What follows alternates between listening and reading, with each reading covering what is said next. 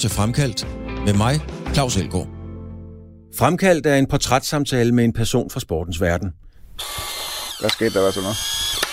Fremkaldt går helt tæt på, faktisk helt derind, hvor det kan gøre ondt at tale om et emne. Jeg var jo ikke glad jo. Inderst var jeg ikke glad. Har man først sagt ja til at være med i Fremkaldt, så har man også sagt ja til at give mere af sig selv og dele det med Radio 4's lyttere, end man ellers kender personen for. Jeg har også udtalt dengang, at jeg ville da være verdensmester.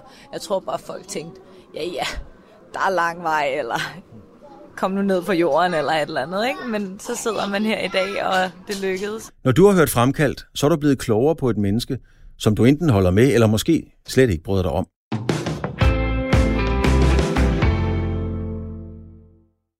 Oliver Møllenberg er ubesejret som professionel bokser, og den 19-årige neofighter står skarpt på 65 kilo.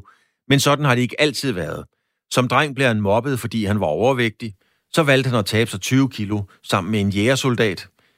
Oliver Møllenberg voksede op i et barsk kvarter, hvor han som 8-årig blev slået i hovedet med knyttede næver af en jævnaldrende. Den af de to, der græd først, havde tabt.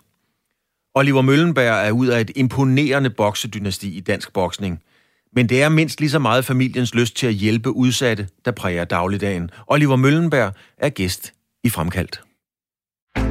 Du lytter til Radio 4. Ola, vi, vi sidder her i øh, uh, Gilleleje Bokseklub. Uh, en sindssygt... Jeg har set rigtig mange bokseklubber i mit liv. Men her der er virkelig noget, øh, noget miljø. Den er sådan lidt... Uh, den er ikke helt uh, rå, rocky-agtig, men den er tæt på. Den er sådan, I holdt den i den der rå stil. Der er en ring op for enden. Så hænger der alle sandsækkene. Så er der de forskellige uh, sibetårer, der er puder, og der er alt det, der skal være så en røvfuld af, af plakater. Joe Calzaghe, der møder Kessler. Der er selvfølgelig Muhammad Ali. Man kan ikke have noget uden uh, Muhammad Ali og, han, og, og flere der. Uh, der er selvfølgelig selvfølgelig også en øh, Oliver Møllenberg nede ved ringen, sådan så formentlig den kan motivere dig, når du går i ringen og bokser. Mm. Det her, det er jo verdenshistorie. Det er legenderne, der er samlet på væggene. Ja. Hvem er din, øh, hvem er din øh, dit idol? Jeg har to idoler. øhm, den ene, det er altså min største held, som det altid har været, det er Roberto Duran. Øh, hans historie og den hårdhed, han gik ind i ringen med, og også uden for ringen, den har inspireret mig og motiveret mig helt vildt. Hands of Stone, Manos of Piedras. Lige præcis. Ja. Øh, hans lille kæmpe kamp imod Sugar Ray Leonard øh, står... Nogen, ja. jeg, jeg var ikke engang født dengang, men det står meget fast min udkommelse, når jeg sidder og ser på YouTube og, og sådan nogle ting. Den det, har jeg set utrolig det, mange gange. Det er en af de, øh, af de største boksekampe i, i boksehistorien, det er der overhovedet ikke nogen tvivl om. Ja. Men så har du også med alt respekt et mere øh, en mere ydmyg held. Mm. Og det er min egen onkel. det er din egen onkel. øh, som har over 130 amatørkampe mm. og har cirka 10 profkampe. Og han har motiveret mig og inspireret mig også hver dag. Øhm, og vi har snakket jo, jeg snakker med ham dagligt, øh, og snakker meget om, om de kampe, han har bokset, og alle de historier, han kan fortælle fra hans landsholdstid, og, og hans proftid, øh, men nok mest hans amatørtid, som har inspireret mig helt vildt. Øhm, og en held for mig også, selvfølgelig. Ja, han, blev, øh, han var dygtig. Han blev, hvad blev han, nordisk mester tre gange? Han er den dansker, øh, som er blevet nordisk mester flest gange ja. øh, i træk. Ja. Øhm, så det er jeg også stolt af, at min onkel er det. Og så har han været dansk mester utallige gange og sjældensmester men, gange. Men hele stamtræet er jo en lang boksehistorie. Mm. I har bokset alle sammen. Ja, øh, alle mændene øh, i min familie har jo sådan set bokset lige fra min tip oldefar til min oldefar, til min morfar, til min farfar, til min farfars brødre. Øh, jeg kan blive ved. Jeg er 6. generation af bokser i min familie. Øhm, så det har altid været en, en, en tradition, at, at mændene i, i min familie, de er, at de bokser. Øhm, den, uden at have presset til det, men, men det er sådan en tradition, der bare er. Og den, der har øh, opnået mindst, det er vel i virkeligheden din gamle far, det er jo Thomas. Ja, det er rigtigt. Jamen, det er rigtigt. Han havde sikkert 40 kampe, og så var der svært noget for ham, så blev han træner. Og det lykkedes han så meget godt med. Ja, det må man sige. Han er jo, Thomas Møllenberg har jo været en, og er en stor del af, af dansk amatørboksning, og nu også professionel boksning, og har været det i, i rigtig, rigtig mange år. Der er en historie, øh, vi har, jeg har fundet et, et lille klip her ja. af, af Michael, din onkel. Mm. Kan du huske, hvor, øh, hvor det er fra det her? Det er fra øh, DM-finalen i 1995. Øhm, vinderen af, af den er i kamp mod Michael Møllenberg og Henrik Lillemose. Han kvalificerer sig automatisk til EM i Vejle i 1996. Øhm, så det er en, en kamp, der har alt betydning for de her to bokser, og min onkel har fortalt masser af historier om den her kamp her. Og hvad var, øh, der var noget specielt dramatisk ved jer? Jamen, der, i slutningen af kampen, der øh, min onkel, han bokser ikke særlig godt den kamp her, er måske lidt bagud, øh, men, men, men formår stadig at bokse helt tæt op til. Øh, I tredje omgang, så får min onkel en, en, en flænge under ved højre øje, mener jeg. Øhm, og det er en stor flænge, og øh, så kommer lægen og dommeren kommer lige over og siger, at vi skal se på den flænge der, midt i kampens hede. Øh, så får Michael at vide, øh, Michael, du har 30 sekunder til at slå dit modstander ud. Det er tredje omgang. Hvis du ikke slår ham ud, så taber du, øh, fordi så øh, stopper jeg kampen på grund af din øjenskade. Så siger min far til mig, Michael, træk dig, træk dig på benene, og så slår du det venstre sving kort ind over hans parade. Øhm, og det var der, min onkel skulle satse, øh, og det gør han. Øh, to gange. Første gang rammer han ham ikke, men anden gang, der går den lige i benene øh, til sidste video her. Så det er en historie, jeg har fået fortalt rigtig mange gange, men, men som jeg aldrig bliver træt af. Det er en, en vild historie. Ja, det er faktisk en vild historie. Øh, fordi at, øh, det var jo ikke alle, Michael sat på røven. Altså, han, øh, Overhovedet ikke. Det er jo lidt, lidt bokser, ikke? I 54 kilo der. Men, men han slog hårdt, min onkel. Ja, det gjorde han. Det gjorde han. Hvad betyder sådan en øh, hvad, hvad, hvad betyder sådan en historie for dig? Altså hvad, hvad har den motiveret dig til, og når du sidder og hører sådan en historie? Og den bliver garanteret fortalt hver eneste gang i sammen. Hver gang vi er til familiefødselsdag eller til nede i bossklubben, så kommer der alle de guldkorn, ikke? Øhm, den, den inspirerer mig jo helt vildt, altså i forhold til, at, at et pres, man kan få midt i kampen, altså det er en kamp om europamesterskabet. Mm. Altså du, du skal kvalificere sig automatisk til EM på hjemmebane, altså, øhm, til en DM-finale det er jo et kæmpe pres, du har 30 sekunder til at slå ham ud. Mm. Og så det, den kunst, det er også det, altså derfor jeg siger, at min far han er jo unik i forhold til den situation. Michael træk dig, og så slår du den korte højre og venstre over ham. Og så rammer den korte venstre lige præcis, hvor den skulle, ikke? Og så ja. afgjorde det. Så det inspirerer mig helt vildt. Og han kom til EM? Han kom til EM. Det tabte dog første kamp, ja. mod for Grækenland, men han kom til EM. Men 96 i Vejle, det var jo der Hassan Al blev europamester. Lige præcis. Øh, en øh, flot sejr, kan man sige, ja. øh, til Hassan, helt sikkert. Helt vildt. Øhm, Oliver, du, øh, du er jo øh, professionel bokser og står for at skal bokse om ikke ret lang tid, og hvis du vinder den, så kan det være, der ligger en titelkamp og venter på dig. Det gør der jo et eller andet sted ude af, mm. af linjen, hvis du vinder kampen nok, det er klart. Øhm, men det var ikke lige frem bokser, øh, tror jeg, du tænkte på at blive, da du gik i skole, vel? Nej, for søren. Øh, hvor kan man starte? Øh, jeg, øh, fra, fra cirka 3. klasse af, der, der blev jeg meget overvægtig, og måske helt frem til, til 6. 7. klasse mm. øh, var jeg meget overvægtig, og selvfølgelig kunne jeg godt tabe mig, men det interesserede mig egentlig ikke, fordi at, at jeg følte ikke rigtigt, at det var noget værd alligevel at gøre. Øhm, jeg var ikke motiveret eller inspireret af nogen. Jeg var motiveret til at sidde og spise mad. Altså, øhm, selvom jeg var også hernede i Kilar Bossklub på det tidspunkt, men, men jeg spiste jo stadig, og når træneren kiggede væk, så gik jeg og klædede mig hårdt i stedet for at slå på sandsikken, ikke? Mm. Øhm, så jeg havde mange problemer i forhold til det med vægttab, øhm, og jeg spiste rigtig meget mad og, og drak alt for meget sodavand. Øhm, og gik også på et forløb på, på Nordsjælland, øh, eller Hillerød specielt. Sådan et vegetasforløb. Ja. ja. Men det hjalp ikke engang. Øhm, jeg kan sidde og rundt og kigge på mine, på min, min historik, hvor jeg er inde på hospitalet, så kan jeg se alle de noter, de har taget omkring den gang der, og de fortæller, at jeg ikke møder op, og, og sådan nogle ting der. Men det var fordi, jeg sådan ikke var motiveret til det. Hvad var du op at veje? Jamen, jeg tror, jeg var 1,40, var jeg måske over veje 70 kilo. Ja. Øhm, det er lige så meget, som jeg vejer nu. Nu er jeg 1,85. Ja. Øhm, så, så, så det er deroppe, øh, vi snakker. Så det er et, et, en meget overvægtig lille dreng, som egentlig ikke rigtig ved, hvad han skal. Men ens liv godt, han er, han er lille og 3., 4., 5., 6. klasse der. Men, men, men har ikke nogen øh, forudsætninger for livet eller noget. Han tænker egentlig ikke videre ud over, at han bare skal af, ud og spise de meget mad og sådan nogle ting der. Hvordan var det, Oliver, at gå i skole og være, og være den tykke dreng i klassen?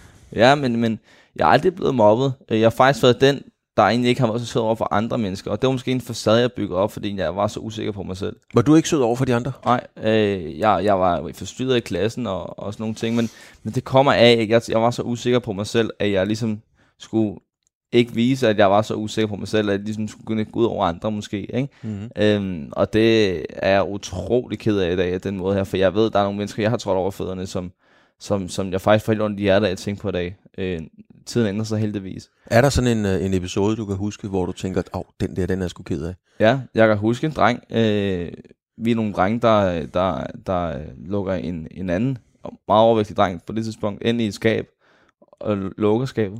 Mm-hmm. Og bare lader ham være den. I lukker ham simpelthen Jamen, det, og det er noget, jeg har tænkt på, at det er stadig noget, der kan... Jeg kan ligge på sofaen derhjemme og stadig tænke, hvorfor fanden, mand. Øh, ja. Fordi at som sagt, tiden ændrer sig, og jeg er blevet et helt andet menneske i forhold til, at jeg, nu har jeg ikke nogen facade på, nu er egentlig bare mig selv, har fundet mig selv i mit liv, men, men wow, det, det er vildt. Øh, Jeg kan også huske en anden episode, hvor at, øh, vi fik en ny klasselærer i min klasse. Så gik der tre uger, så gik hun ned med stress, ikke? Øh, fordi vi var ikke søde. Altså, jeg var især ikke sød. Jeg var forstyrret og hele tiden skulle søge grænser. Øhm, men som jeg sagde før, at tiden ændrer sig heldigvis, og jeg har sådan fundet mig selv nu. Men ham der, øh, I lukket ind i skabet, øh, har du taget kontakt til ham? Har du sagt undskyld? Aldrig. Hvorfor? Aldrig. Jeg, ikke, det er måske også lidt usikker på mig selv. Altså, hvad, hvordan, hvad, hvad, hvad, hvad tænker han i dag? Hvor er han, han i livet? Mm-hmm. Øhm, så, så på den måde måske stadig lidt usikker på sig selv i forhold til at, at have mod til at gøre det. Ja. Men, men en dag skal den nok komme, det ved jeg. Øh, fordi jeg, jeg, jeg bliver nødt til at få reddet nogle tråde med nogen, jeg egentlig ikke øh, har været særlig sød overfor. Øhm, Ja, fordi så- du er ikke umiddelbart typen, som har lyst til at gå rundt og slæve rundt på den slags tanker. Og være... Aldrig. Aldrig. Altså, jeg, jeg prøver altid øh, at, at, at, at få det bedste ud af de mennesker, jeg er sammen med. Om, om jeg ikke er enig med dem, eller ikke er enig med dem, så prøver jeg stadig øh, at få det bedste ud af det. Øh, jeg er slet ikke typen i dag, der, der opsøger noget konfliktsøgende eller noget som helst. Jeg er faktisk mere konfliktsky, end jeg er konfliktsøgende. Mm-hmm. Øhm, selvfølgelig siger jeg min mening, og jeg har min mening og sådan nogle ting, men, men jeg, kan altid, jeg vil altid tale om den på en ordentlig måde og, og en ordentlig tone, i stedet for at skulle trumfe noget igennem, som jeg bare synes, øh, hvis fællesskabet synes, at det er forkert. Hvor, hvad er det for en familie, Oliver, du kommer fra? Ja, vi ved, der er bokser på, på mandesiden hele vejen igennem, dygtige bokser. Øh, men hvad er det for en familie, du kommer fra? Jamen, jeg er blevet født og opvokset i Lundtofteparken, Mm. mm. øhm, et, et socialt belastet område, øh, med min far og, og min mor og, og min storebror. Øh, og så kom min øh, lille søster Mille til hen ad vejen, og vores plejebarn, øh, søster Maja, og vi kom til Gilej, men, men i Lundtofte, der havde jeg en fin barndom. Min far havde jo meget travlt med boksning dengang, det var der, hvor han havde virkelig gang i den der i nullerne. Øhm, hvor øh, at han kørte til Gilej hver dag, hvor jeg måske var med en, en 3-4 gange om ugen deroppe, øh, og så på, på alle de gamle legender, øh, som jeg kalder dem for, heroppe i Gilej Club. Øhm, så jeg har altid været med i boksemiljøet, øh, har gået dagpleje hos min mor, hun har været dagplejemor, Mm. øhm, så haft en tryg og, og god barndom, øh, med noget overvægt ind, øh, i forhold til, at, øh, at man begynder at være usikker på sig selv, når man begynder at ligne var at være så tyk, men, men ellers en god barndom, hvor jeg egentlig har følt, at, øh, at jeg har været blevet taget op og opfagnet med, med omsorg. Øhm, Så der har været, der har været kærlighed nok. det har der. Jeg er ikke en typisk bokser, der kommer fra, fra gaden af og kommer op. Eller noget. Jeg har haft en god barndom. Og jeg Men har, altså lige præcis Lundtoftegade, der, der ved jeg jo, mm. Jeg ved ikke om det var dengang, men i dag er det jo belastet af det. bandemiljø og så videre. det, er det. det tror jeg også, det var dengang.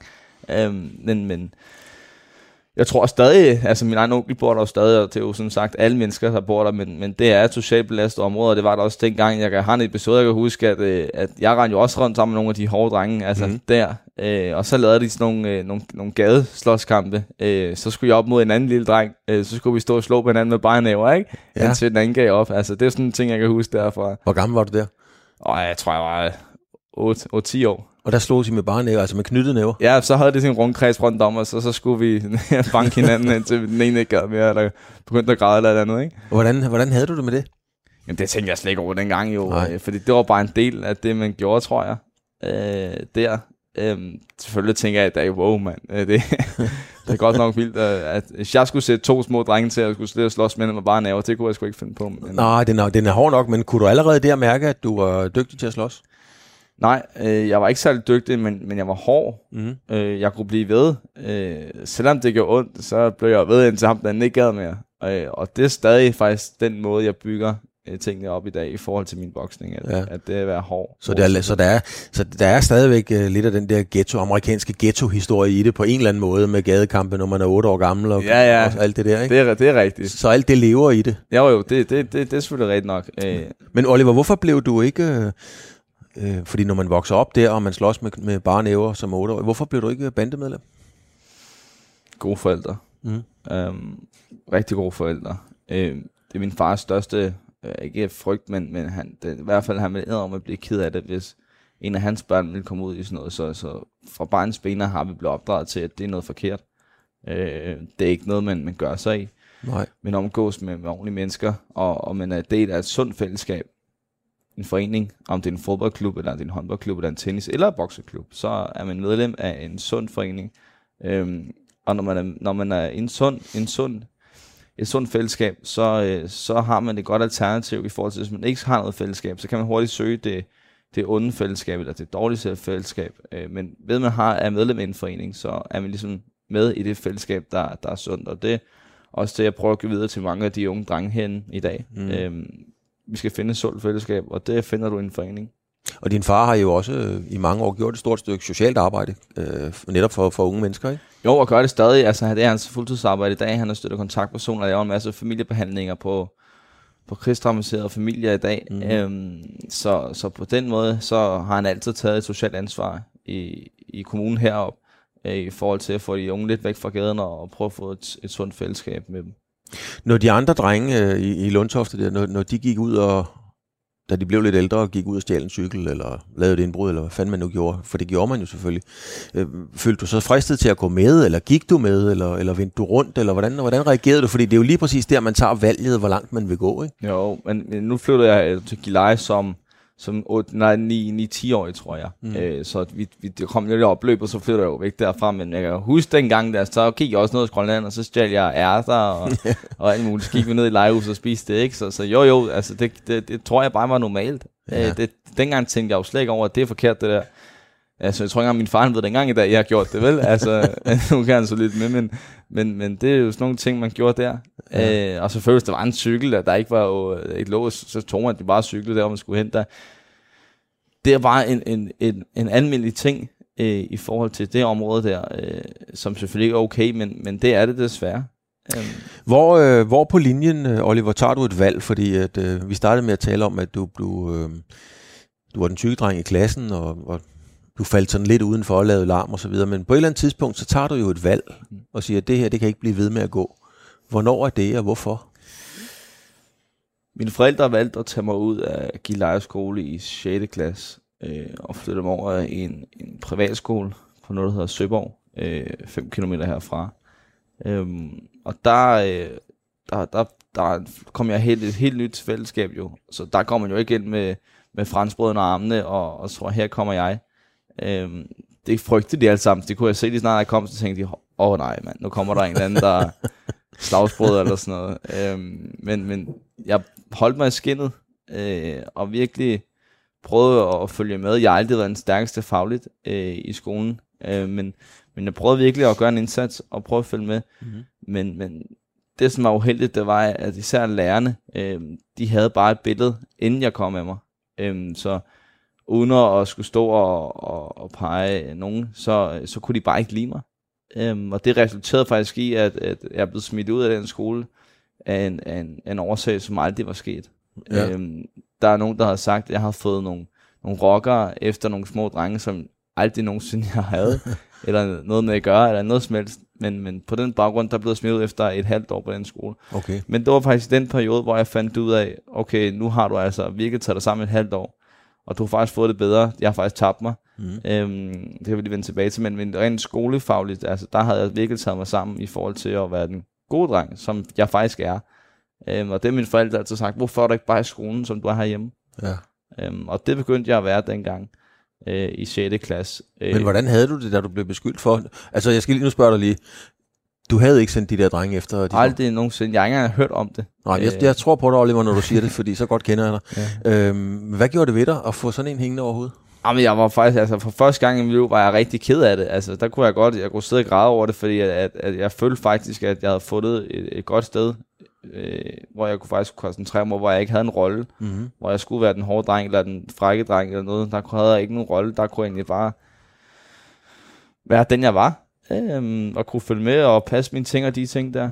Øh, men, men min far var jo helt vildt gal over det, og de ting der, du kender ham også, og han, han, men, men Troede han ikke på dig? Altså, jo, han troede på mig. Han, troede på han har altid troet på min ja. far. Når jeg har sagt, jeg har, det har jeg altså ikke gjort, det der. Øhm, så har han altid troet på mig sammen med min mor. Så de var til med på skolen, og, og de fik faktisk bevist efter nogle messengerbeskeder og sådan nogle ting her, at det faktisk ikke var mig, der havde noget med det at gøre. Så jeg fik faktisk tilbudt at komme tilbage på den skole igen. Men, men jeg valgte og sammen, i samråd med min familie, at nej, det, det, ikke efter den her episode. Jeg vil aldrig føle mig tilpas der. Øh, og lærerne, som sagt, de havde bare klart billede af mig, inden jeg kom, og selvom jeg prøvede at ændre mig og sådan nogle ting, så, så var det som om det ikke fæsede hen øh, i hovedet på dem. Øh, så, så jeg kom til faktisk tilbage til Kileje skole, øh, og derfra, der synes jeg faktisk, det gik rigtig godt. Ja. Jeg er faktisk kommet tilbage, hvor jeg, hvor jeg faktisk var mig selv. Og, og lærerne fik også et chok, når de så kom tilbage der og sige, du godt have ændret dig, og det var sådan nogle ting. Og Mhm. jeg prøvede at følge med så meget jeg kunne. For altid nogle episoder, hvor man ikke lige har gjort det perfekt, men, Ja. men overordnet set, så havde jeg virkelig taget mig sammen med de sidste tre år af min skoletid. Øhm, Og hvor var boksningen på det tidspunkt? Ja, så for at skrue tilbage til, til 7. klasse, hvor jeg kommer tilbage på Gilejeskole, der starter også sæsonen op i august, øhm, hvor at, øh, jeg har været væk fra boksning i to år, Mhm. mm. øh, hvor jeg faktisk spillede noget håndbold og sådan lidt, øh, prøve at finde noget glæde ved det, og det fandt jeg ikke. Øhm, men jeg kommer tilbage til boksning, og fordi Gilej Boksklub, de har fået en ny træner, som Carsten Post, på Ja. det var et tidspunkt. Og min bror, han var jo topboks på et tidspunkt, nordisk mester og sådan nogle ting, og europamesterskabsbokser. Så han sagde, kom nu ned, og så prøv at se, hvad ham den nye her kan. Øh, min far var stoppet som træner, og vi prøvede med ham her, som har, som har været 11 år i, i forsvaret, og var kort ind over i jægerkorset også, og, og sådan nogle ting, så han var jo benhård. Så han tog fat i mig i nakken, tog mig herfra og tog mig over på, på den hårde sti og den hårde arbejde. Ja. øhm, øhm, og, og han fik mig til at indse, at øh, jeg kan huske en klar, klar situation, øh, efter, efter jeg var kommet i gang med at bokse nogle kampe igen, så havde jeg måske tabt, tror jeg, tabt seks kampe i træk. Ja. I mine første seks kampe, når jeg kom tilbage derfra. Og så råber han bare mig ind i hovedet, Karsten. Bror, jeg kan ikke råbe dig i form. Jeg kan ikke råbe dig i form, råber han bare ind i hovedet. Fordi efter kampen, og jeg kan, huske, jeg kan bare huske det, øh, det er fra Hillerød Box Cup i 2015, og jeg kan ikke råbe dig i form, siger han bare. Altså, Hvordan jeg, reagerede du på det? Jamen, det, det var som om, der, jeg fik bare klarsyn. Altså, så, så bare sad, fordi jeg, havde, jeg, jeg var langt bedre bokser end dem faktisk, øh, men jeg tager på grund af min form. Jeg havde ikke flere kræfter efter første omgang. Og jeg havde faktisk tabt mig på det tidspunkt, og så rimelig fedt men jeg var ikke i form, jeg gider ikke træne. Øhm, og så råber han bare mig ind i hovedet, jeg kan ikke råbe dig i form. Og, og siden dengang, så ved jeg ikke, så er jeg bare, så fra et, det ene til det andet sekund, så har jeg bare ændret mentalitet. Og nu er jeg faktisk det, der hedder en træningsnarkoman. Jeg træner for meget i forhold til det, jeg må. Når jeg, har, når jeg skal have pause mellem kampene, så træner jeg stadig. Der må jeg ikke. Øh, men, men siden dengang der, der ændrede jeg bare syn på, ikke bare på, på livet, men faktisk altså på hele min mentalitet, der går til alting, om det er en opgave, jeg skal sidde og lave, eller et eller andet, så, øh, så har jeg også den her mentalitet, eller om det er, når jeg står i træningslokalet, og, og er ved at besvime, fordi det er så hårdt. Øh, så, så det jeg huske den episode så, så klart i 2015 i oktober måned. Jeg kan ikke råbe dig form. Det ord, det, det sidder bare hver dag i mig. Øh, og det arbejder jeg ud fra. Men hvad er det, øh, det har jeg tit tænkt på. Jeg har selv, øh, jeg har været i profboksning og amatørboksning i hele mit liv, mm. og jeg synes, det er vildt spændende at være der. Men, øh, men jeg kan sgu ikke lide at gå ind i ringen. jeg synes, det går ondt. Ja. Øh, hvad, hvad er det, der... f- Altså, du må, du må lige forklare lytterne, hvad er det, der er så fascinerende ved at få nogen på ørerne? Fordi, ja, folk tænker, at oh, jamen, som amatør, man har hjelm på, og man har handsker på, det gør nok ikke ondt. Men det kan jeg så tiden sige, det gør det altså Det lidt alligevel. ondt. Det går bare rigtig ondt, Ja, ikke? ja. Hvorfor, hvad fanden er det, der er sjovt ved det? Jamen, det, det, det er svært at sige. Det, det, jeg tror, at for, for mit vedkommende, så, så er det, det der, den der følelse af at vinde. Det, den, den, den sidder så, så, så, så meget ind i mig, at, at jeg går derop for at vinde. Øhm, når jeg står ude i omklædningsrummet og skal ind til en boksekamp, så er jeg ikke det samme menneske. Nej. Øh, folk, øh, det, der kender mig, øh, som egentlig ikke har set mig boks, jeg husker, der var, der var en dame, der sagde, at hun havde kun kendt mig udefra, og snakker med mig stille og roligt, som jeg er nu. Øh, så var hun oppe og se mig i lejehallen i min debutkamp.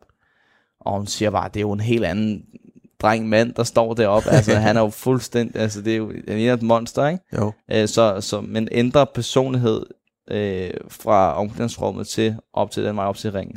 Der er der bare ikke det samme menneske. Du er fokuseret mod en opgave, og det er altså at, at give ham nogle øretæver. Ja. Øhm, så som jeg tror, at det er, altså jeg ved for mig, jeg ved, mit vedkommende, det er, at det er følelsen af at vinde. Øh, det er følelsen af at, at, at være overlegen. Øhm, Er du aldrig bange, når du går ind? Nej, Aldrig. aldrig nogensinde været bange. Nej. Jeg er, jeg er spændt, og jeg er nervøs, og, øh, men, men det, lige snart jeg står op i ringen, så mærker jeg ikke noget. Så er jeg fokuseret mod det, jeg skal. Øh, jeg har aldrig været bange, øh, og det min far også har sagt til mig, hvis, du, hvis lige snart man er bange for at tabe, Ja. så skal man ikke bokse øhm, overhovedet. Nej, jeg skal slet ikke gå derind. Nej, fordi så har du ligesom så er du ligesom i forsvarsposition, inden du går ind i den ring der. Og, Ja. og, og al respekt for boksning, så, er- så, så er det jo en, en ubarmhjertig hård sport. Og Er det noget andet end at tage i badminton? Det må man sige. Øh, så på den måde kan man ikke gå ind og, og bokse for sjovt, eller bokse fordi man er bange for at tabe. Man skal bokse fordi, at man virkelig har en lyst og sult til at vinde. Ja. Ellers går det ikke. De fleste bliver jo sorteret, for der, der er jo masser, der også som starter heroppe og Mhm. træner, og så skyggebokser man lidt hjemme foran spejlet. Og, men turen fra omklædningsrummet ind igennem hallen og op under tårne, der er sgu nogen, der falder fra. Det er der. Øh, og så er der mange, der, der sidder og siger, han er så dårlig til at bokse ham der. Men så siger prøv høre, det er helt fair, at der er nogen, der ikke er de bedste til at bokse, men, men de har min 100% min respekt for, og det har alle, der går fra omklædningsrummet Mm.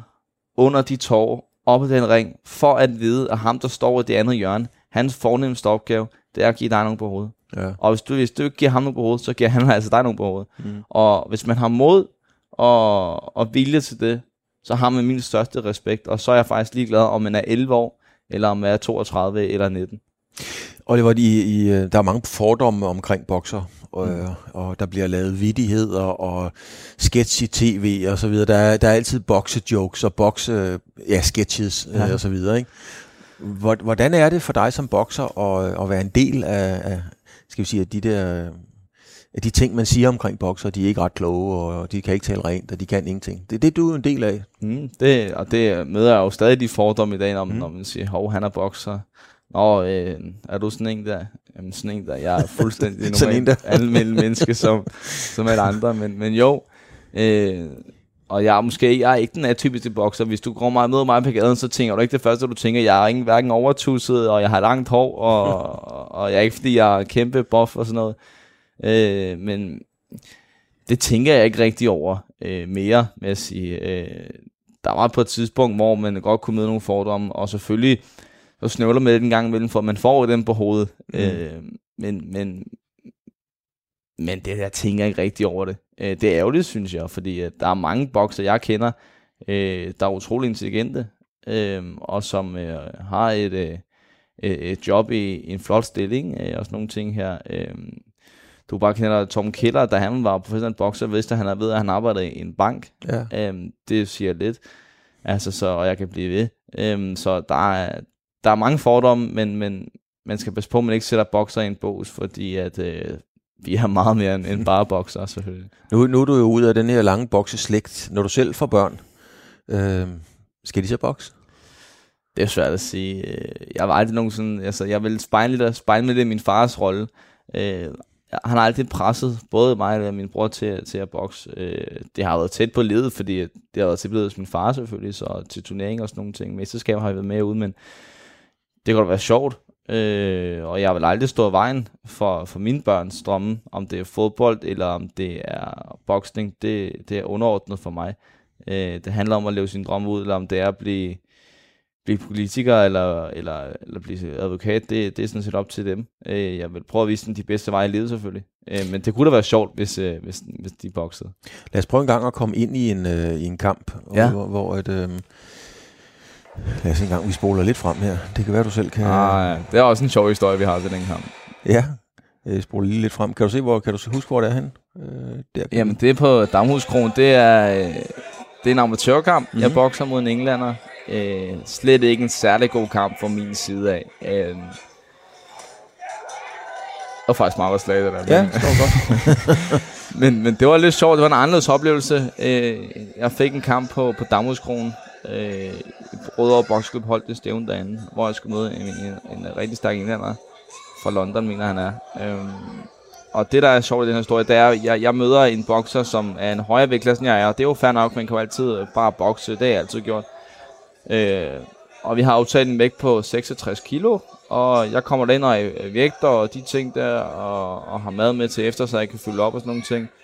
Og der er ham her englænder altså bare fuldstændig ligeglad. Han vejer 69 kilo, øh, og vi har aftalt 66. Og så bliver min far gal, og jeg bliver gal, og Alle bliver gale. alle bliver gale for mit hold. Og de englænder, de er virkelig så arrogante og ligeglade med det. Øh, og så siger jeg til min far, skal vi køre hjem, eller skal vi bokse? Så siger han, det er op til dig. Giv mig lige fem minutter, og så, og så kommer det der instinkt op i mig, og så skal jeg satan vise ham, at, Ja. ja. at jeg er ligeglad med, at han vejer 69 kilo. Øhm, så vi boksede, og, og de ting her, og, og jeg vinder heldigvis øh, kampen øh, på split decision, Mm. men, men vinder.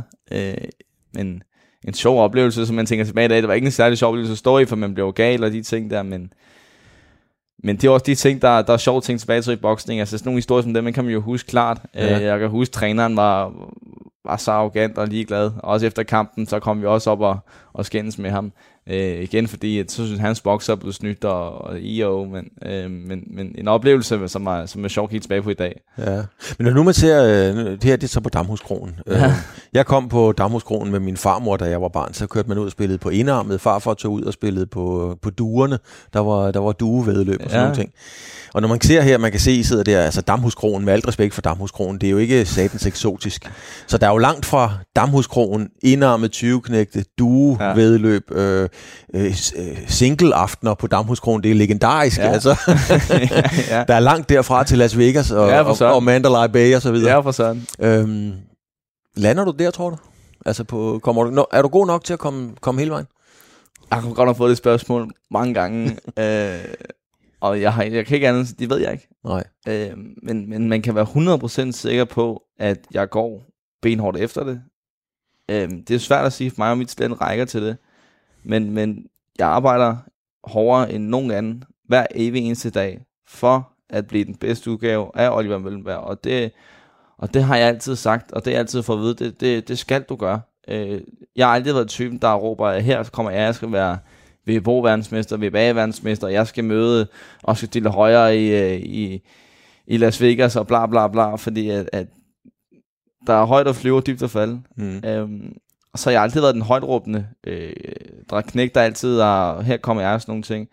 Jeg prøver at være lidt, at jeg vil være lidt ydmyg, og så øh, vil jeg arbejde, selvom til så tager arbejdstøjet på arbejde benhårdt efter det, så kan det være en dag, at der at Don King ringer, eller, eller et eller andet, og siger, så er det nu. Ja, det la højre gør jo et eller det der højere, ja, ja. Det læste lige i går, faktisk. Det er rigtigt, ja.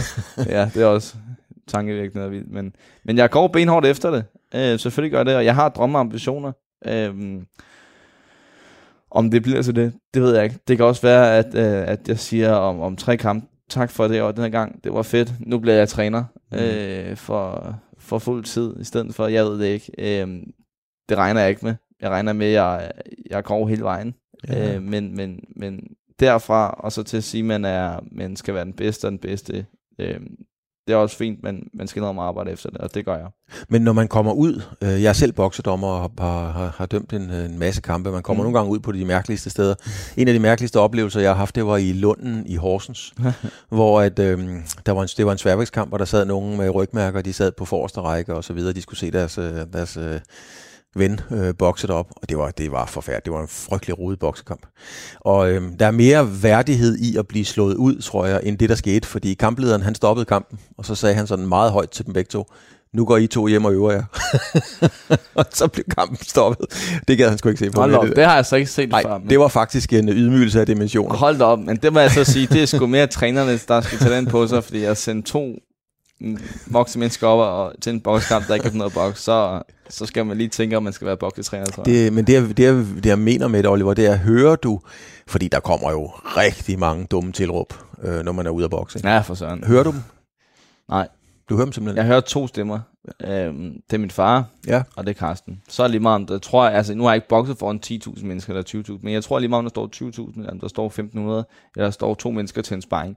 Så hører jeg de to stemmer, og de sidder bare, de sidder bare så meget øh, inde, i, inde, i, inde i min hjerne, at, at det er det, jeg hører, når, min, når jeg kan høre min far sige, Oliver, du skal op og slå tre stød nu, vi skal lige have den her hjem nu. Så, så slår jeg de tre stød for at få den hjem nu. Øhm, og det kan man også godt se på nogle af de videoer, hvor jeg bokser, især på titelkampen, mm-hmm. hvor, hvor, jeg har, hvor, hvor, man, hvor man kan høre min far sige, ind og sæt tre stød, så går ind og sætter tre stød med det samme. Øhm, og det er jo noget, øh, der bare sidder for sparringer, for træninger. Øh, det er jo klart, det er min far, så han, hans stemme sidder bare solidt plantet i min hjerne, og Carstens, fordi jeg er sammen med dem hver eneste dag, og jeg får instruktioner for dem hver eneste dag, så de sidder bare solidt plantet i, i min hukommelse. Oliver, hvad synes du om, øh, hvad synes du om den der professionelle bokseverden? Nu har du været i den forholdsvis kort tid, men altså, det er stadigvæk lang nok tid til at, til at danne dig et indtryk af, hvad det er for en verden. Ja, for søren. Hvad synes du om den? Øh, altså, udover at jeg kun har været der i halvandet år nu i profalen, så har min vej jo været super kaotisk. Mm. Øhm, jeg har haft tre forskellige promoter på, på bare et år. Ja. Øhm, man kan jo sammenligne med Ville Kessler på hans måske, jeg ved ikke, 15-20 år lang der havde han to. Ja. Øh, jeg har haft tre på, på et år jo. Øh, uden at komme alt for meget ind på det, så var den første, han havde nogle nogle lige lasten i forhold til hans fortid, og også Ja, det, det kan jeg godt sige, fordi det er, ikke, øh, det er jo ikke nogen hemmelighed. Altså, du havde øh, Forsmand som, som manager, og det kom frem. Der var vold. Han blev dømt for voldtægt. Han blev, øh, ja, jamen, han var jo øh, dømt for, for, for eller, og tiltalt for en masse voldtægter, Ja. og, og havde, havde udstået sin dom, men, men fortiden han, den indhenter ind, og jeg tager selvfølgelig dyb afstand for, for, for, Ja. for ting af den kaliber. Men det er jo den ene type, du møder. Så løber du ind i, øh, i Svend Rasmussen, som er sådan en eksotisk, og, og havde vel et hjerte for boksningen og så videre. Men, Og for os bokser, ja. Ja, øh, og, og er over for jer bokser i høj grad, ja. Ja. men havde måske ikke, øh, den tager jeg på min kappe, men måske ikke så stort indblik i forretningen, i hvad det kunne. Og så er du hos TK Promotion nu, men altså tre, men, men er, det en, er det en ærlig verden? Er det, øh, tør man stole på nogen i den verden egentlig? Jeg har lært det på en hård måde, synes jeg. Jeg har, jeg har, jeg har, jeg har jo, som det menneske jeg er, så prøver jeg at møde alle mennesker med, med åbne arme øh, og med og et godt hjerte. Heldigvis har jeg haft min far, som er jo benhård i forhold til den verden, Ja. øh, og, og er også min manager, øh, som, som virkelig tager de hårde valg og de hårde ting i forhold til at skulle forhandle kontrakter, og hvem skal man forhandle kontrakter med, og hvem skal man snakke med, og sådan nogle ting der. Det har han lært mig rigtig meget, efter jeg lærte det på en hård måde jo. Øh, men det er en verden, hvor man virkelig skal tænke sig om, hvad man siger og gør. Mm. Øhm, fordi at en, en, en, en mindste ting kan misfortolkes. Øhm, og så er det sgu lige meget, om det er til præsten, eller om det er til manager, eller om det er til promoter, så skal man... Nu er min far selvfølgelig min manager, så det er ikke så meget, men, men i forhold til andre, så skal man virkelig tænke sig, hvad man gør, mm. og hvad man siger. Men er det en god verden, synes du? Altså, Ja, hvis man har de rigtige mennesker omkring sig, så er det en god verden. ja. Øhm, jeg har de rigtige mennesker omkring mig nu. Øh, det synes jeg også, jeg havde i Q Pro Boxing, fordi jeg synes, Svend gjorde rigtig, rigtig meget for os bokser. Øhm, så alt respekt til ham. Øh, men lige nu er jeg et rigtig godt sted. Har ikke været et bedre sted. Jeg har ikke haft det bedre, end jeg har i øjeblikket i forhold til, at, øh, at der er ro i baglandet i forhold til de ting, der bliver gjort. Øhm, Kasper øh, Holgersen, som er min promoter, og, og Thomas Madsen, som er Dina Torslunds cheftræner, er min matchmaker, og de to har, har, har forstand på det, de gør, og ved, hvad, hvad der rører sig i profgamet. Øhm, og tager ikke nogen vilde valg i forhold til, at nu skal vi satse hele økonomien på næste stævne eller noget. De bygger det stille og roligt op, og, og, og laver nogle gode stævner mm. øh, sammen med Team Sauerland. Øhm, så, så jeg føler, at jeg kan stole, og jeg ved, jeg kan stole tryk på dem. ja. Øhm, så, så lige nu, så er der ro på, og jeg, jeg træner bedre, end jeg har gjort før, og jeg har gode sparringer, og det hele kører faktisk, fordi der er ro i baglandet, som du netop siger. Men det, det er en vild verden, er det. øh, især i forhold til amatørverdenen. Det er jo foreningsled, der trykker igennem der, i forhold til, det er frivillige trænere, det er frivillige kampledere, dommere, frivillige officials. Øh, det er det bare ikke i proboxing. Det, det er cool business. Det er cool business. Øhm, og det har jeg lært på en hård måde. Altså forskellen på, på badminton og, og boksning er jo, at man kan tage rigtig stort i badminton, og så kan man rejse sig og komme tilbage. Hvis man tager rigtig stort i boksning, altså virkelig får, bliver nokket, så, så kan det være svært at komme tilbage. Mm. Mm. Og det kan jo ske. Øh, vi så, din, øh, vi så Michael øh, få 30 sekunder til at slå en ud. Ja. Så hvis du bliver sat på røven med et brag, øh, og ikke kommer tilbage, hvad, hvad, hvad går du så og tænker, at du gerne vil? Jamen, øh, uden at røbe for meget, så, så har jeg en, en stor interesse i lokalpolitik heroppe i Gribskov Kommune. Ja. Øhm, jeg, er, jeg er kun 19 år. Jeg har hørt mange gange, at du er en gammel mand og fanget i nogen krop. øh, men, men jeg har en masse, jeg har en masse i gang i forhold til Gilari Bokseklub, der er jeg træner med, med Carsten Poster, min far og Tobias Møllenberg, min storebror. Øhm, og der laver vi en masse, en masse ting for de unge mennesker heroppe. Tager et socialt ansvar i kommunen. Det står vores ved, vedtægt, der vi skal gøre. Så at komme ind i et byråd, øh, blive valgt derind og sidde i et udvalg med, med unge og idræt, det, altså det, det er en drømmeambition, jeg har. Ja. Øhm, og jeg er også i kontakt med, med, med et lokalt parti heroppe, øh, og har haft flere møder med dem nu her, og det kunne godt sagtens ske i fremtiden. Og det er noget, der interesserer mig. Det interesserer mig, at jeg gør noget for, for andre mennesker, og gør noget godt for andre mennesker. Hvad, hvad, gør, hvad, hvad gør du? Hvad arbejder du med med de unge? Altså, hvad, kom med et eksempel. Jamen, øh, at tage en ung, som, som, som måske ikke har de bedste forudsætninger, ligesom jeg selv havde, havde fået nogle dårlige karakterer i skolen, øhm, øh, har en ustruktureret hverdag, jeg ved ikke rigtig, hvad han skal bruge sin tid på, gå og kede sig lidt, måske lave lidt ballade. For ham ned her, øh, træne ham, få, få noget banken og selvtillid ind i knægten, for at vide, at du er god nok, Mm. øh, du er pisse sej. Øhm, få en struktureret hverdag til ham, lave en klar plan sammen med hans forældre, sådan, sådan og sådan. Øh, således han kan få en struktureret hverdag, hvad han ved, hvad han skal gøre. Øh, og der har jeg jo flere eksempler på, Øh, og så ud over det, altså det mindste er, det er at få ham til at blomstre i ringen. Det er faktisk få ham til at blomstre i livet, få nogle gode karakterer i skolen.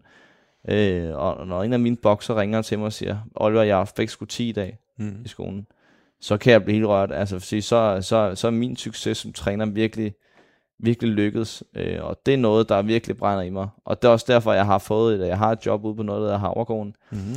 ude i, i Kildej her, hvor, at, øh, hvor det er en kostskole for unge øh, med udfordringer i hverdagen, hvor jeg kommer ud og, og hjælper dem i forhold til lidt træning og sådan nogle ting. Og det er noget, jeg elsker at gøre. Øhm, så det sætter jeg stor pris på, og det er også derfor, at lokalpolitik, det interesserer mig så meget. Øhm, egentlig ikke i forhold til alle områder af at være politiker, fordi jeg er ikke den typiske politiker, men, men i forhold til det der med at sidde i et udvalg med, med unge mennesker, i forhold til foreninger og idræt, idrætslivet heroppe i Gribskov Kommune, det, det interesserer mig helt vildt meget. Så mm. det kunne jeg godt tænke mig i fremtiden. Så det er noget, jeg helt sikkert vil, vil bruge min tid på, og hvis jeg ikke var professionel bokser eller stopper, så vil jeg lægge alle mine kræfter ned i den her forening her, i forhold til at, at være boksetræner. Det er boksetræner. Jamen, der er jo masser af øh, bokser, der har gjort politisk karriere. Altså, mm. Manny Pacquiao, han bliver vel præsident ja. hjemme i sit, uh, i sit hjemland i Panama, ikke? Uh, og Klitschko. Ja, vi tager det Klitschko, ja. Kan jo blive præsident i Ukraine, ja. uh, hvis, han, uh, hvis han har lyst til det. Men det må vi se, hvor langt det bærer. Men hvad er det, der, hvad er, det, der er? Fordi at uh, hver, mange gange, når jeg har besøgt uh, boksetrænere, det er lige meget, om det har været uh, Delima, eller, eller hvad de har heddet, Møllenberg, uh, ja så er der ofte bokser, øh, så sover de der bor der, så kommer de, så sidder de der juleaften, øh, så ringer de og græder, når kæresten er gået, så ringer de og glade, når de har fået et tital i skolen. Hvor, hvorfor er der det der sindssygt tætte øh, bånd mellem bokser og boksetræner? Fordi at du, du er hernede hver dag. Mm. Boksning, det, altså, hvis, hvis du, om det er lige meget, om du har en kamp, eller 20, eller 30, 50 kampe, så, så er boksning en livsstil, fordi du er hernede, så det sit. Altså, boksning kræver så meget. Du kan ikke bokse for sjovt øh, som jeg har sagt også til, til, til de unges forældre og sådan noget. Jeg ved godt, at jeres søn har en kamp, men, men I skal se ham som en elitesportsøver, for han træner lige så meget mm. som en elitesportsøver. Og det kommer af, at boksning er bare verdens, altså det er den mest tidkrævende sport, der overhovedet er, men samtidig med, så er det altså også den hårdeste og, og mest brutale sport, så, så, så vi bruger så meget tid sammen. Jeg, jeg, jeg ser, når de er svagest, øhm, og, og derfor så, så tror jeg bare, at det her forhold til ens træner, det er så tæt i forhold til, han ser sgu når en er anden, han ser en, når man er anden svag. Øhm, og det er der ikke mange mennesker, der gør, at der er tæt på ledet, så, så derfor tror jeg, et, et, et forhold med ens træner godt kan hurtigt blive et, et, fader, et faderligt forhold. Mm. Øhm, det, Men det er du jo slet ikke gammel nok til. Nå jo. er ikke, det er også det, jeg siger med, med den, en ung mand øh, fanger, eller en gammel mand fanger en ung krop. Ja, bare det var mig. øh, men, men jeg har jo meget med det her at gøre med, med, med de her 13, 14, 15, ja. 16 års øh, alders øh, unge mennesker, og, og der kan jeg godt give min erfaring videre, og de tror jeg, ja, det ved jeg, de ikke ser mig som, som en bare 19-årig knægt, øh, som bare venner med dem. De, de ser op til mig, og jeg prøver sammen med deres forældre og sammen med vores forening her, de mennesker omkring, at give dem de bedste veje i livet. Um, Men det er jo et kæmpe ansvar, Oliver, øh, når man er så ung, som du er, at være faderskikkelse for 10, 12, 15 drenge og piger. Altså, er du slet ikke nervøs for det? Nej, for jeg synes, jeg trives i det. Mm. Um, og så længe man har forældrenes opbakning, øh, så føler jeg ligesom, at der er noget at gøre, øh, og så gør man det rigtige selvfølgelig er der jo, at det er jo, her, det er jo ligesom alle de andre trænere, som gør lige så meget som jeg hernede, men, men, men især de unge drenge, dem, dem har jeg et tæt forhold til. Øhm, og dem prøver jeg virkelig at gøre meget for, og også nok for meget nogle gange, hvor man glemmer lidt sig selv, og jeg skal også, jeg har min egen karriere og sådan nogle ting. Jeg er ikke bare boksetræner, men, men, men jeg går virkelig op i det, og jeg går ikke kun op i, at de skal gøre det godt sportsligt, selvfølgelig følger det også meget, men, men det er som sagt mere det med, at de skal trives i, i skolen og få en struktureret hverdag, øh, som de kan bygge videre på. Ja. Nu, der er mange øh, bokser, som, som øh, kommer ud af boksefamilier. Det betyder også, at de har deres øh, far i ringhjørnet. Frank Olsen havde Richard i ringhjørnet. Mm. Dennis Holbæk havde øh, Vagn Holbæk i ringhjørnet. Og du har så Thomas i ringhjørnet. og min bror. og, og min onkel. og din bror og din onkel. Ikke? Men var det ikke en... Øh, og, og de andre blev faktisk først rigtig gode, da de sagde farvel til deres far. Mm. Er, det, er det klogt at have sin far i ringhjørnet? For mit vedkommende ja, fordi at, at han giver mig utrolig meget, øh, min far. Jeg, altså, og især i øjeblikket lige nu, så har han begyndt at træne mig endnu mere, end han har gjort før. Og jeg kan mærke, at jeg udvikler mig. Mm. Øhm, så, så for mit vedkommende, så jeg føler ikke, at, at, at, at øh, jeg føler ikke, det er min far, når vi står i ringen. Så føler jeg, at det her, det er min træner, og, og sammen med min bror og min onkel og Karsten, øh, at, at det, vi er et team, øh, og så tænker jeg ikke på det familiære. Jeg, jeg lyver, hvis jeg, hvis jeg siger, at selvfølgelig giver der ikke nogen, nogle problematikker en gang imellem i forhold til at være af familie med ind i teamet og sådan nogle ting. Selvfølgelig giver det nogle ting, øh, for man kommer jo til at blande nogle gange nogle af de her ting sammen her. Mm. Øh, men, men, men jeg synes, vi trives i det, og jeg synes, at vi gør det godt, og, og vi kan ligesom min far har utrolig mange hatte på jo. Han er, udover at han er min far, så er han også formand for bokseklubben. Det vil sige, at han er overordnet i forhold til, at jeg er boksetræner hernede. Øhm, Udover det, så er han min manager. Udover det, så er han min træner. Så han har utrolig mange kasketter på i forhold til det her med, at øh, med, med i forhold til min sport og de ting her. Så, så sammen, så synes jeg, vi, vi trives rigtig godt med det. Men, men er det ikke, øh, er det ikke øh, en belastning? Altså, jeg mener, en far tænker jo ofte, at ah, jeg kan godt køre, det er jo min egen søn, så jeg kan godt lige køre om lidt hårdere end de andre, eller man kan også vente om og sige, ah, nu gør, nu gør det ondt på junior, så nu, nu, nu smider jeg håndklædet i ringen. Altså, der må komme nogle dilemmaer en gang imellem. Ja, det er rigtigt, men, men jeg synes som sagt, vi finder en god balance gang. Og så har vi jo Karsten, han er jo ham, der træner mig allermest, Karsten Post. Mm. Øh, så og han har ikke ondt af mig, når man sige det sådan. Øh, en, som sagt, en mand, der har været 11 år i forsvaret, jægerkorset. Øh, han ved, når en mand virkelig øh, ligger ned, og hvordan man rejser en mand, der ligger ned op igen. Mm. Øh, men han skal ned ikke, før han skal rejse op igen. Det gør han næsten hver dag med mig. Øh, og i samråd med min familie, øh, min far og min bror og min onkel, så, øh, så synes jeg, vi, vi, vi trives med det, og jeg synes, at øh, min far har sgu heller grund af mig, når jeg træner. Det er benhård træning, øh, og jeg elsker at træne hårdt. Øh, så jeg synes som sagt, vi trives med det, og det er, det er også, hvad man gør det til, synes jeg. Der er også mange gode eksempler på familie i boksen. Du kan se, Joe Kalsakis far har været hans træner gennem hele hans karriere, og han har aldrig tabt en kamp som bro. Så, så det er lidt, hvad man gør det til, tror jeg. Øh, og så skal man også huske, det her det er ikke USA, det er dig med ydmyge forhold, så det er ikke fordi, vi rammer og råber og skriger hinanden. Det, Nej, men nu siger, du selv, øh, nu siger du selv USA. Øh, jeg har også haft fornøjelsen af at besøge en masse gyms i, øh, mm. i USA. Og det har faktisk et amerikansk præg, det her. Ja. I USA er der sådan, her hænger det hele meget langs væggen. I USA der er det meget sådan inden midten af rummet på en eller anden måde, når, når man kommer ind. Men det har det, har det, der, det, har det der udtryk. Øhm, jeg mener, hvis man vil være god til at spille badminton, så kommer man til Danmark. I gamle dage, hvis man vil være god til at danse, så tog man til, til London. Er du ikke nødt til at tage til USA og prøve dig af, altså simpelthen på en træningslejr? Jo, jo, øh, på en træningslejr, ja. Øh, og det er jo de ting, jeg, jeg, nogle ting, jeg skal arbejde med. For det. Hvis jeg tænker, at oh, nu skal jeg på træningslejr en måned i USA, der siger det, så svigter jeg sgu da alle de der børn, der står hernede og træner hver dag. Ja. Så, men, men, men det er nogle ting, jeg skal arbejde med mig selv, at jeg skal huske at, at have mig selv med og min karriere med, skal stå forrest i forhold til alt andet, selvom det kan også være nogle gange. Øh, men, men jo, det er selvfølgelig, øh, og det, det skal jeg da, jeg skal da prøve de ting af her. Øh, øh, jeg skal aldrig flytte til USA, jeg skal aldrig flytte til Tyskland, jeg skal aldrig flytte til England. Øh, jeg kommer til at bo i Gilleleje, øh, ud fra lige nu, hvad jeg ser i hele mit liv. Øh, jeg kommer til at have, være en del af den her forening, indtil jeg stiller træskoene her om mange, mange, mange år. Øh, heldigvis, og håber jeg. Så, så, så nej, jeg har ikke ambitioner om at flytte til andet land for, for at slå igennem eller noget. Jeg, øh, jeg vil gerne slå igennem her i Danmark. Øhm, og hvis jeg gør det godt her i Danmark og får nogle gode kampe, måske bliver europamester og sådan nogle ting, så følger de store kampe også med sig selv på udebane godt nok, men, men det tager vi. Men altså det der med at, nu har vi talt om turen fra omklædningsrummet over, over halvgulvet og ind under tårne op i ringen. Altså turen fra omklædningsrummet i, øh, i sådan et gym i, i Philadelphia, eller Fifth Street Gym i, i Miami, mm. hvor du bare kommer ind til nogle sorte drenge, som vil spise dig til frokost. Er du klar til den? ja, ja. Øh, det lyder jo hårdt, når du det sådan noget. Men, men altså, ja, jeg er det. Jeg, jeg, som sagt, jeg er aldrig, jeg er aldrig bleg for, for at tage en, øh, jeg skal sige en røvfuld, men, men, men en kamp. Øh, altså, og det er også det, jeg har sagt til, jeg har haft jeg, når jeg siger til Kasper og Thomas, min, min promoter, altså jeg siger, altså jeg har ikke lyst til de der øh, journeymans, der kommer for, for at få deres penge og så gå igen.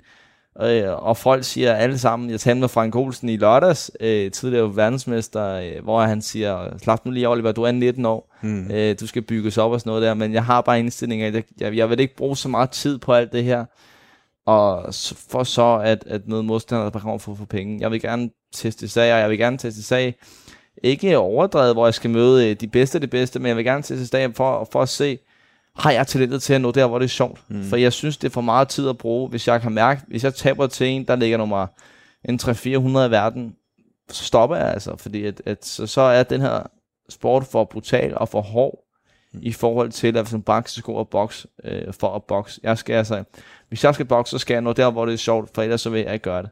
Øhm. Altså nu lige præcis uh, Frank, hvis man sammenligner ham. Uh, Frank var jo en, uh, en vanvittig dygtig bokser og slog sindssygt hårdt i øvrigt. Mm. Øhm, og når der var, jamen, der var jo både Thomas Damgaard og Hassan Al i hans vægtklasse også. Det var jo det fyldte jo øh, alle halderne. Han har fortalt nogle historier. er du sindssygt, mand. Der var, det, var, det var altså... Men jeg tror, Frank nåede at bokse omkring 40 kampe eller sådan nogle mm. ting. Og, øh, og da han så tager, så stopper han jo.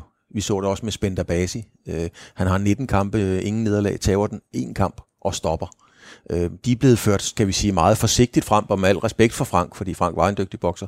Men, men han fik jo også netop det, du siger, du ikke gider, de der journeymen, der kommer for at tabe, kan man mm. sige. Du sgu ikke blevet ført øh, forsigtigt frem. Du har allerede mødt øh, højere rangerede bokser end de andre. Var 25 kampe om at få lov til at møde. Går det for stærkt? Nej. Det er bevidst, øh, som jeg siger, i forhold til, at, øh, at jeg, jeg, jeg har simpelthen ikke, jeg har ikke motivation, jeg har ikke vilje til at møde nogen, der kommer for at få deres check. Jeg vil gerne testes af under ordnet forhold. Mm-hmm. Øh, I forhold til den titelkamp der, der møder jeg jo nummer, han er nummer 82 i verden nu. Ja. Øh, jeg er nummer 333. Øh, så, så det siger også lidt i forhold til, det måske var lidt lige overkanten i forhold til, at den blev udgjort, men, men der var måske lige overkanten i forhold til, til selve matchingen, men, men, men jeg fortryder ikke noget, fordi altså, det er jo det niveau, jeg rigtig gerne vil, og jeg har bare fået et kæmpe, efter jeg har set tilbage, så har jeg bare fået et kæmpe selvtidsboost af det, fordi at hvis jeg ved, at jeg kan bokse med allerede nu, efter jeg har kun seks kampe, på det tidspunkt havde jeg fire, øh, hvis jeg kan bokse med i toppen af Europa, fordi han er i toppen af Europa, nummer 82 i verden, i hele verden, så er man i toppen af Europa.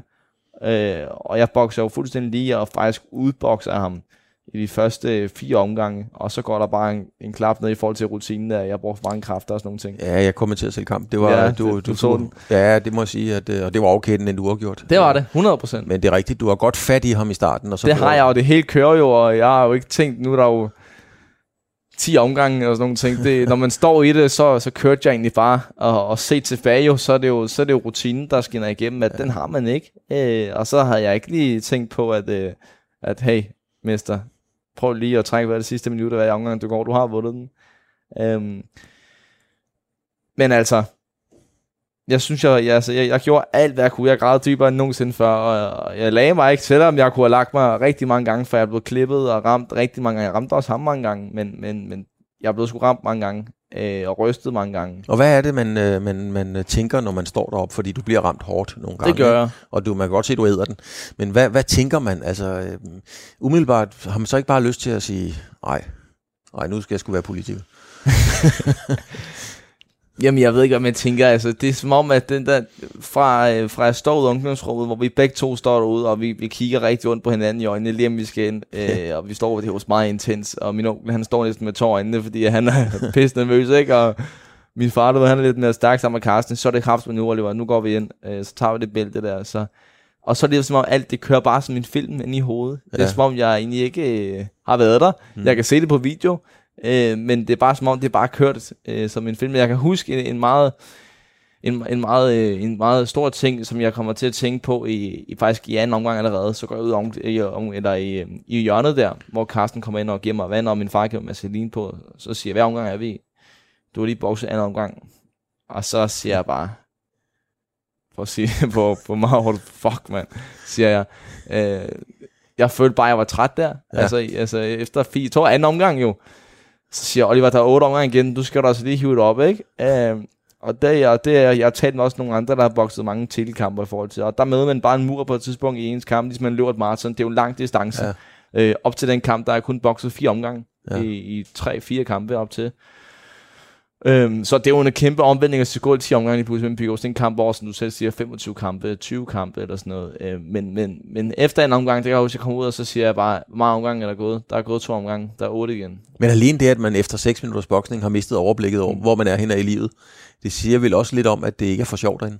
Præcis. Øh, og som jeg siger, rutinen mm. øh, i forhold til, at, øh, at man ikke har prøvet det før, og, og og måske blev jeg lidt for stresset over, at der var så meget omgang i forhold til, at... Øh, men, men, men det var det var vildt, det var hårdt. Øh, det, var en, det var en vild oplevelse, og noget jeg tænker tilbage på i dag, det, det er lidt over år siden nu, eller næsten et år siden i dag. Øh, så det, det er vildt.